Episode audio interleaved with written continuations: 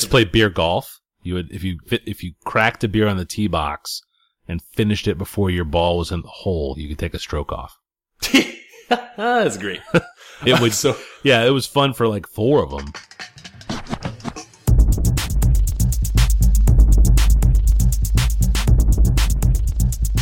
This is the Safest Milk Podcast, where Adam and I get together twice a month to use bad words to talk about things we like.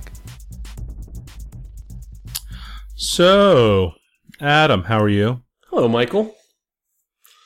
You uh you drinking a beer over there tonight? I'm totally drinking a beer. I am having a uh, Prairie Artisan Ale from my Asheville trip. I'm having a Prairie Gold, which is a uh, golden sour uh, wine yeast.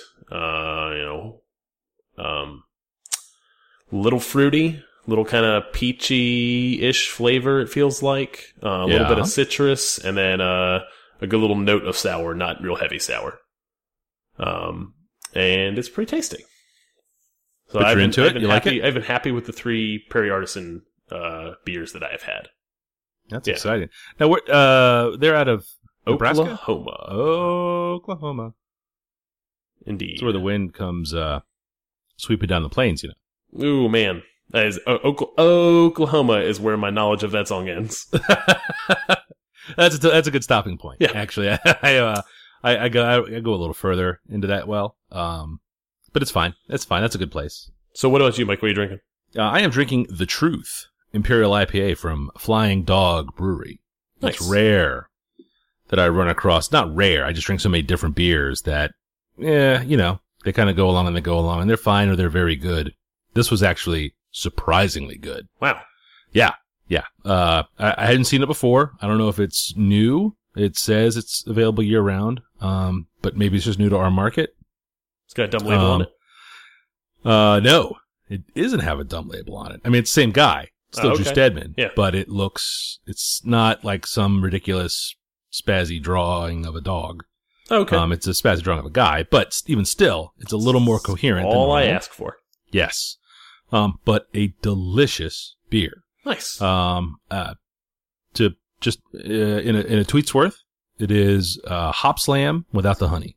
Interesting. Yeah, it is. It is that good. Uh, highly recommended. Oof. And In you fact, said you give me a found it- second You found it easily locally. Uh, yeah, it's all over the place now. Wow. I Yeah. look that up. Yep, I had never seen it before. I asked the fine young lady at my beer shop about it. She was like, "People are losing their minds. We had six cases.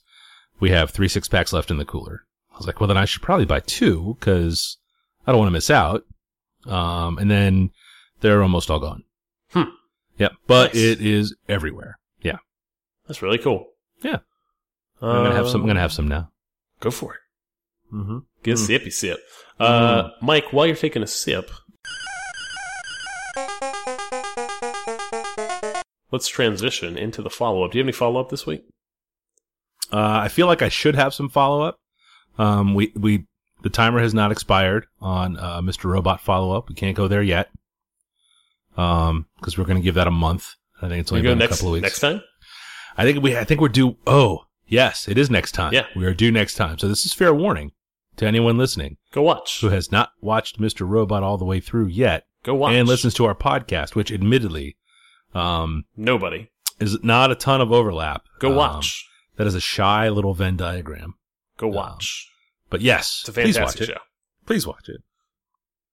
Um, what about you? Any anything Uh, I- follow after you? after you brought up The Shining last week, uh, I picked up the audiobook and I am I am powering through. I took a, a very long trip this weekend up to Columbus, Ohio, uh, seven and a half hours of just driving, um, and I got uh, nine hours in to the fifteen hour audiobook Oh wow, uh, on the trip.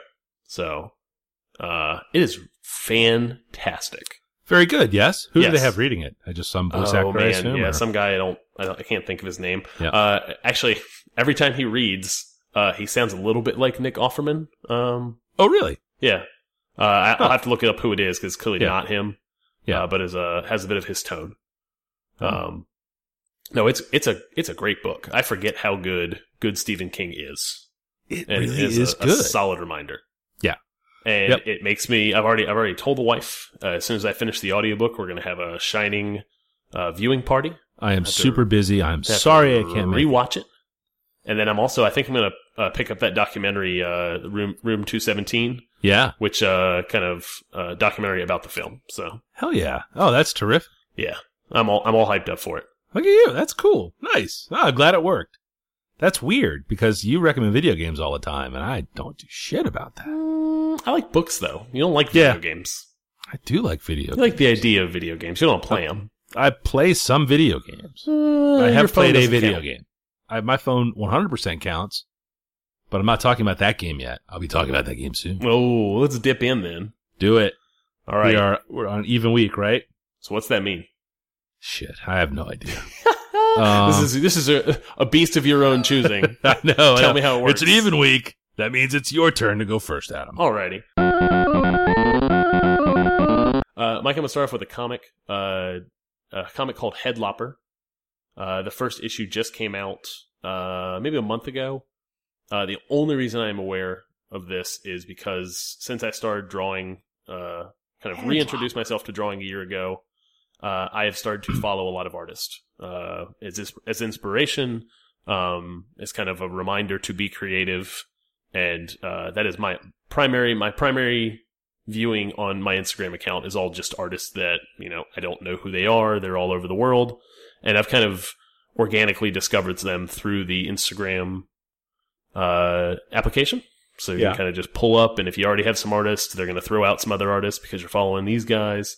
Uh, the artist is Andrew uh, MacLean, and Andrew MacLean uh, draws Headlopper and writes it. Um, and he just published his first book with um, Image, and I went and picked it up. It's a quarterly floppy. Um, How many pages? Is it big? Uh, Is it- yeah, it's it's it's it's like uh, probably three regular floppy comics worth. Okay. So it kind of covers the whole quarter, which I, I Yeah. like. Um, it's kind of how I read stuff anyway these days in trades. Yeah. So it's kind of a, a a nice medium. They're saving you a step. Yeah. Yeah. So so the art is uh feels like a little blend of Mike Mignola and Adventure Time. It's got a, a Michael Avon Oeming.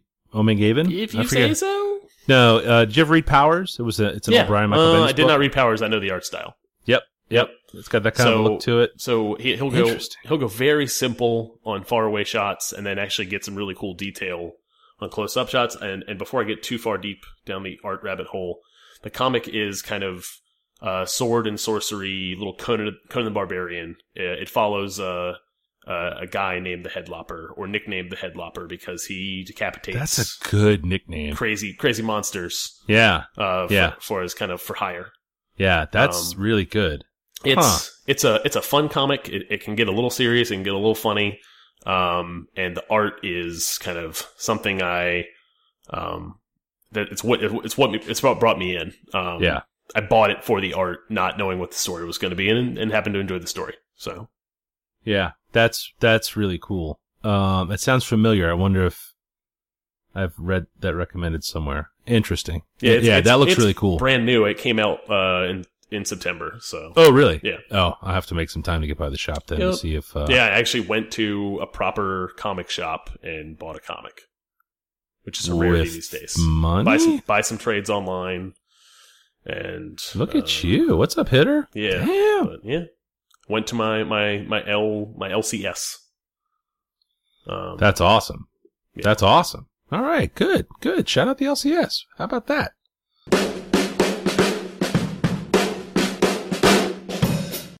All right. My number one is uh our humble hometown of Richmond, Virginia, pulling off the UCI World Road Cycling Championships. nice It was uh, for people that don't follow cycling, which is the vast majority of people, everybody in this Um, country everybody in this country. Uh, Surprisingly, the people that would be listening to this podcast know about it and probably went down to see it.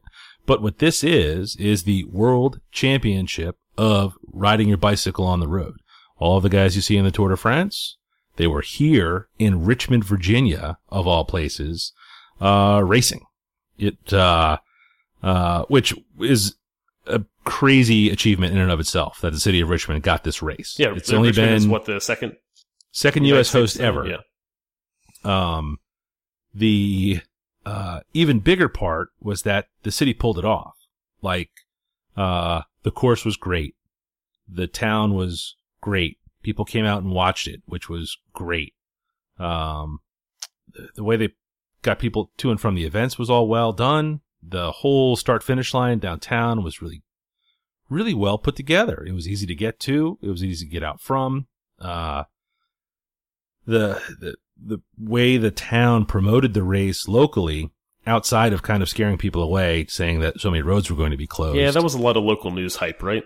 that was a lot of yeah, because it wasn't it wasn't that bad um, if you paid attention. Um, some of the commentary, uh, some of the commentary I have read, you know, makes the case that it would have made more sense to say, "Here's how to get around downtown," instead of saying, "Here's how you can't get around Yeah. downtown." It was it was Uh, more along the lines of mm, maybe you should just avoid it.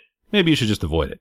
Uh, which was, which would have been reasonable advice, I guess, um, if it wasn't so much damn fun to watch. Exactly. Um, I went down, uh, with my kid, my whole family went down on Saturday. Um, and my kids don't give a crap about cycling. Like I'll sit and I'll watch stages of the tour on TV. Um, but they don't care.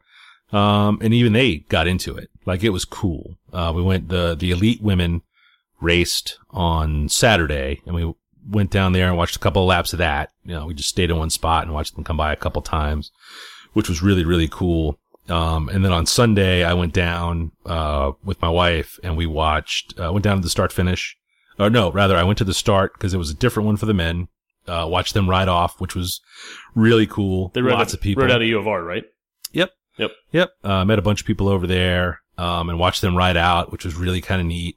And then, uh, went down later in the day because they rode for like six hours. Um, and saw the last couple of laps. miles. It was insane. Yeah. There's a ton of riding. That's crazy. Um, but went and watched the last couple of laps from the, from the finish line, uh, as they came through and as they battled.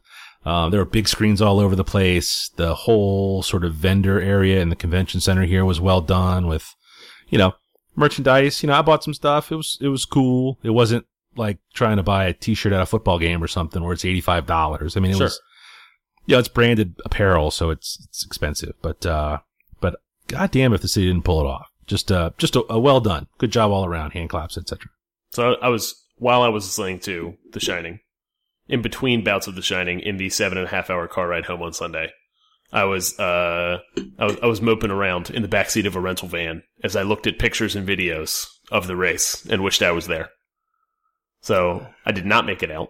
Uh, Did you see any of it at all? Not even during the week or last weekend? No, no, no. Had Yeah. had to work because I was leaving midweek for Yeah. uh, you know, days off. So I had a whole backlog of stuff to do. We had a soccer Yeah. game that got rescheduled to Sunday, so it kind of knocked me out of the time trial stuff on the first the first day. Fucking soccer. And we got God back at 9 p.m. on Sunday. So did not see a lick of it. Uh, still Mm. had fun at the thing. I Well, you went catch to. it next time. Went to it's totally reasonable. Oh yeah, just, uh, when's the last time they came to the U.S.? Uh, t- well, you know, they've been in the U.S. before, but One it might be a while before they come back to fucking Richmond, Virginia. Yeah. Yeah. No, I I I, I kind of had a feel for not necessarily kind of how cool it would be for the crowd because that's obviously not a feel I got. But when, Yeah. when you and I went to the collegiate nationals Yes. last year, Yes. um, just I had never seen live cycling at that speed before. oh, me Uh, either. Kind of yeah. uh, the sound, the kind of the wind coming off the bikes. Yeah. Um, just seeing a a a body of of of beings move that quickly, like when the peloton goes by. Um, it's just kind of something you don't get at all from TV. Like it is No, nothing like it. Not even close. Um, Not even everything close. on the on TV, everything feels flat when you see mountains. Yep. Uh, when you go live, you kind of get a feel for how steep 23rd Street or Libby Hill is. Yep. And did you see the videos of those guys and ladies going up Libby Hill? Yes, Like that's, that's the, vid- the videos I was watching were were Killing nuts. Yeah. And did you see the crowd out there on Sunday? It was insane. Oh yeah. Oh yeah. Oh, man. It was really cool. Uh, Yeah. awesome for the city. One of the neat things I read in the aftermath of all this was how the American riders got so geeked on like hearing people yell their names. Yeah. Because I mean, all of this racing is done in Europe. All at this level, there's- Absolutely. there's- And I mean, even there's, just there are good general, races here in the U.S., but they're all out west. So, Um, but but the but the big races are European races. Yes. And the other the other thing that's cool about this is that between this event and the Olympics, that's the only place you really get international teams competing against each other, right? Yes. Otherwise, Yep. it's it's sponsored teams. Yep. Um, It's the club teams, Is, yep. Yeah, which is which is which is cool, but there's kind of some uh there's a to a see the countries riding interest. against each other was very cool. Yeah. And that's what made the Sagan victory uh, even more exciting because I think there were only three riders on his team. Yeah, because it's something to the effect of uh, you only get based on number of wins, you only get a number of riders like equal to some portion of wins that you've received. So I think was- uh, I heard the Australian team had eight members, Yeah. which is the largest. the team. Italians had big Italians had a big team. Yeah. The Germans had a big team.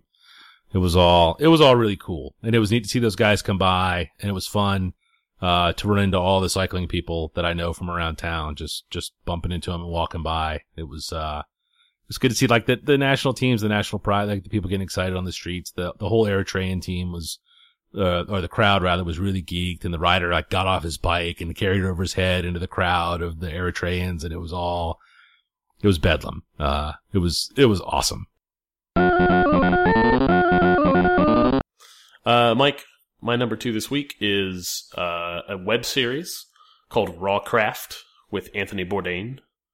Hmm. Um, I have I mostly know Anthony Bourdain from the one book I read of his, the Kitchen Confidential book. The good one. Yeah, it's very good. I enjoyed it. Um, and and his shows, um, No Reservations and whatever one he's doing on CNN now. Yeah. Um, I've caught I don't DVR them, but I've caught a lot of them in the past, and I, I enjoy travel shows, and he puts on a good travel show. yes. Uh, this this series is not that at all.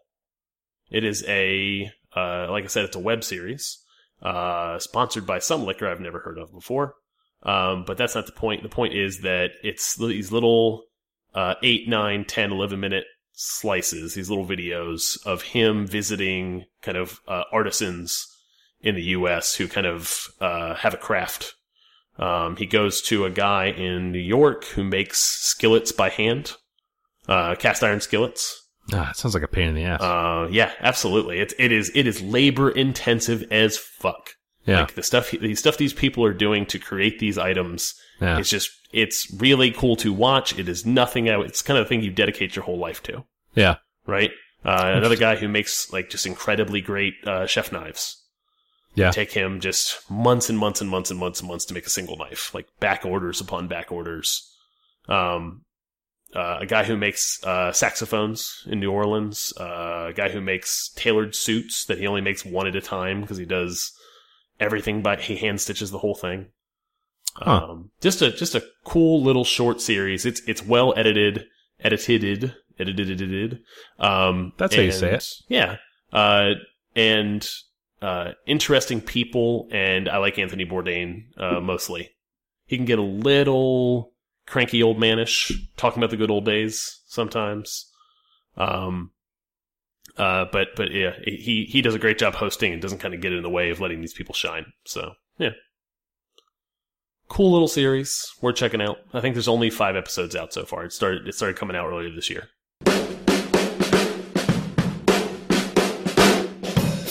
My number two, uh, is live theater. Uh, I had occasion to see my very first Broadway show on Broadway in the last couple of weeks, and uh, it was impressive as shit. Was it Oklahoma? It was not Oklahoma. No, it was not Oklahoma. The uh, it was a Gentleman's Guide to Love and Murder. Hmm. It was a musical. It was in a uh, what felt like a really small theater. Uh, the seats were very small. Um, I know that's really relative description, but uh, uh, for me, it was a small seat in a small theater. Uh, but holy crap, it was uh, it was a hell of a show. It was uh, a small cast, and they could all just absolutely sing, which is stupid to be surprised at that yeah, because they're kind of kind of the on point of the fucking Broadway, Broadway. side of things, right? Yes. Yes. Um, uh, I've always seen a lot of theater and musical theater. My mom was a nut for it and always made it a point to take all the kids to see this stuff. Um, my oldest daughter is super involved in the theater and working her way into some musical theater stuff. So I'm exposed to a lot of it. I go see lots of, uh, lots of shows of the same play. Um, So, but I, but I don't mind it. I like it. I'm not like super heavy into show tunes, but every so often one will get stuck in my head, like the one from that. What's that play? Oh, yes. Yep, that one. Um, but this was dynamite. Um, I've seen traveling shows when the touring companies come to town. Uh, Richmond's always a start for this stuff, or is always a stop on those tours. Um, and I really like it. I enjoy live theater. Um, if I, I would really recommend it to anyone. Lots of times they run deals on these things. If you don't mind catching a midweek show, it's a, uh, it's a, it's a cool time. If you have kids, it's pretty impressive when, uh, when this stuff comes bouncing out because it's not, um, it, the vocals are amplified and the music is amplified, but it's not at all manipulated or conditioned electronically. Yeah. It is honest to goodness, the person down there making all of the sounds and Just all of the belting it out people on the own. stage just straight belting. And it's, uh, it can, it can be really cool. You know, uh, you can watch TV shows where kids sing and dance and do all that stuff or people sing and dance and those things, but a lot of that gets cleaned up in post, as they say. Um, but when you're watching a live performance of someone really just going for it on stage after 15 costume changes, um, dodging sets and, and under the hot lights, it's, uh, it, there's something like genuine and cool and real about that. And I would highly recommend taking one in, um, if you get a chance, cause it's, uh, it's a cool thing. So, so live theater is a uh, a complete blind spot for me. Not complete. I've I've been to a play, Yeah. um, but musicals wise, uh, almost none. Um, for me, uh, not opposed to, just not something I've ever done that often. So, quick question. Yeah. Uh, how long did this thing run? Uh, Thing to say. there was an intermission. Uh, the first, it was in, in play in two acts. The first act was 90 minutes. Uh, and the second act was 40 minutes. Oh, okay. Um, it wasn't too bad. Um, uh, you know, it just was, it was pretty uncomfortable to sit there. Um, you know, we got, we were sitting at the back of the house on the mezzanine, like the middle balcony level. So it wasn't so bad. We weren't too far away, but, uh, you could see it all. The theater was small. Um, funny play. It was neat. Um, the way any, it was put notable together. names? Occasionally, they Uh, probably get no. some some actors. No, cause this, this, this was, this play opened in 2013. Oh, okay. Um, the people that are in it are important in Broadway circles, Sure. but it's not anyone you would have heard of. No. Uh, we were supposed to go see a play that Taye Diggs was starring in, um, who I also enjoy, uh, mostly just from that movie Go, which I don't know if you would have seen that. I have that seen was, go. Yep. yeah. Um, I, I, that's a big hit around here, uh, for Michelle and I. We, we like that movie a lot and watch it all the time. It's a good film. Yeah, and Taye Diggs is in it. and He's cool and he's handsome and those things. And apparently he, he can sing and do all the all the things. But they closed his show early, a couple weeks early, so we had to scramble to find a replacement. And then uh, what we went to go see was also just just excellent. So Cool. yeah, live theater. Uh, you ever take the kids out when you guys go here? To to live theater here in Richmond? Uh, my mother uh, still goes all the time. Uh, buys season tickets to one of the theater seasons here, um, and alternates taking the kids. So, um, I have gone when my mom can't go and she has tickets. Um, but she sort of splits the season up between them. Um, so that the, the older kid can go see the older shows and the younger one goes to see the, you know, the ones geared more towards kids Yeah. if they are geared towards kids. Um, depends on, you know, because even if they're musicals, they can get a little grown up sometimes. Sure. So, um, yeah, no, I've, I've definitely been here and I've been with the kids and it's a good time. Um, you know, but I think a lot of that is because, um, you know, Emma does so much theater stuff that it's not just this drudgery. What I would like to do is go spend some time at the symphony with the kids, but there's zero appetite for that So- in my house because they don't play music. To bring it back to UCI, the symphony, Richmond Symphony played the UCI, didn't they? Uh, they may have. I didn't see them. They, I, I think they- I, am pretty sure they did. And my neighbor across the street from me, he and his wife are both in the symphony. That's how they Oh, know each other. Oh, Uh, and I saw him gearing up on a like a Tuesday morning in in in full tux. I'm pretty sure to head downtown. So hell yeah. Yeah. I mean, they worked, city worked real hard to tie every goddamn thing they have into it. Um, and it, I feel like it all paid off. You know, there's a lot of it I missed because I, um, you know, I got tied to my desk a fair amount this week, but, got uh, that job now. well, I'm a working man's got to work. You know, I hate to, I don't want to turn this into the laments of the working man, but, Um, let's move on, Mike. My number three is a podcast, fresh and newly born, just like ours. Oh no, we're but 15 episodes in. more famous than ours. oh no. By association, it is a podcast from 538. 538 is Nate Silver's um, uh, data-driven news vehicle after he left the Times. yes. Um, the podcast is called "What's the Point?" Um, with Jody Avirgan. Uh, I have never heard of Jody Avirgan. Yeah. Uh, Is that a- is that a boy or a girl? It is a boy. Okay. Uh, and the podcast is all data centric uh, topics, but they uh, between episodes they jump wildly between topics. So kind of anything is um, on on offer here. Uh, the the one that was recommended to me and kind of kind of brought me to the podcast was one on predicting movie success. That was a um, cross promotional podcast with Grantland's uh, Andy Greenwald, Huh. um, who writes a lot of the um, TV and movie uh, stuff at Grantland. They're both 538 and Grantland are both ESPN owned entities. Um, and this podcast is really interesting because, uh, well, maybe interesting for me. I don't know if I would recommend it to everybody, but it is Yeah. certainly about data and what we do with data. Well, you're kind of a. That's that's kind of your in a professional sense. it is, it is, and also yeah. just have it. it- It's a it's a hobby and an interest as well. Yeah. Um, so so the, the the episode that was recommended to me and kind of made me kind of bite into this thing and and kind of jump in with both feet and go back and listen to all the other back catalog episodes, um, which there I think there's only 15 of them right now. Uh, like I said, it is new. Um, but it was this this podcast where they met with a guy who runs a company out in Hollywood who um, uses survey and poll data uh, where he just goes up, has a team of people that just go up to people on the street and describe the premise of a movie, not show them a trailer, not do anything. yeah. And they describe this premise, and then they see what the poll data tells them, and and they can uh, they can correlate that polling data to success of a movie on opening weekend. Uh, Really?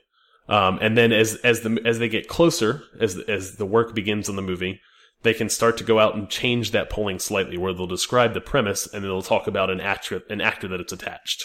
Yeah. So they can start to see actors that will maybe kind of raise the raise the bar on an opening weekend or kind of tank it.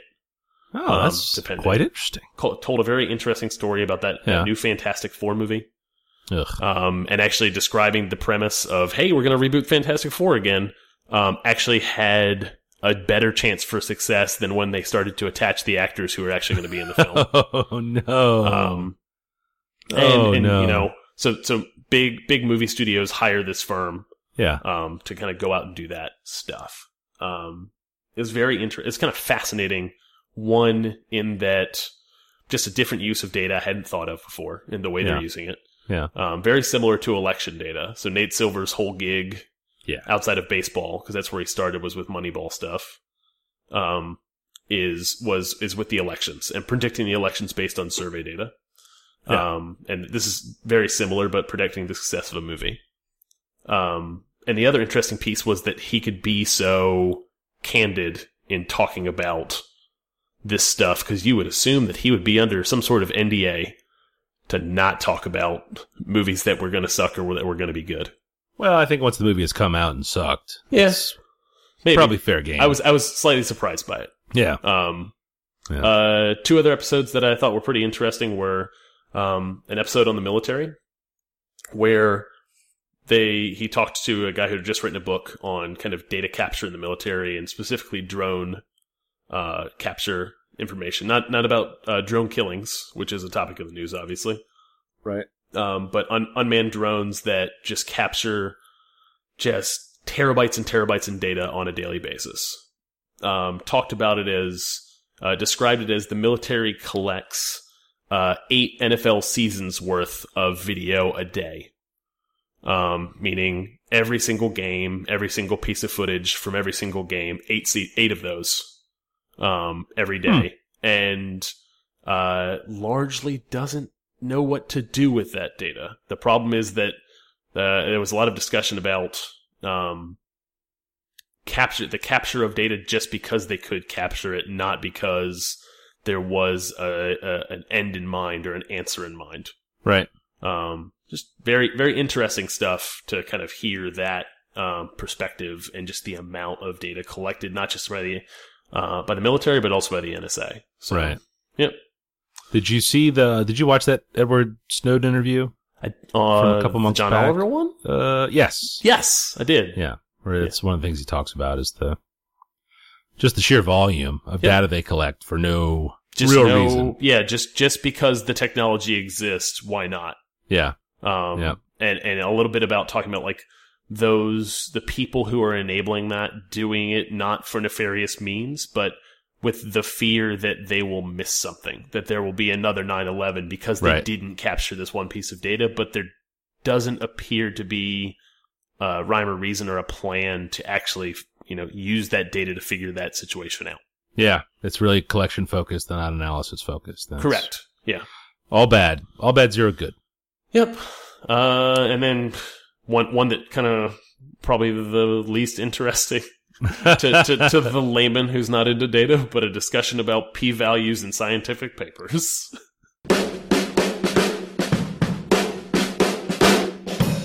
Uh, okay. So my number three yeah, go right ahead, Mike.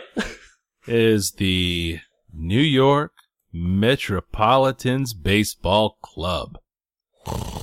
Can we talk about, 2015 wait, Mike, can we talk about p values again?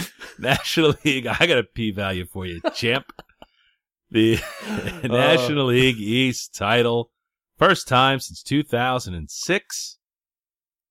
Heading to the playoffs. How are they going to do in the playoffs, Mike? They're going to lose quickly in the playoffs. Oh. Not at all concerned about how they perform in the playoffs. This was this was supposed to be a very quiet year. You get to enjoy the journey.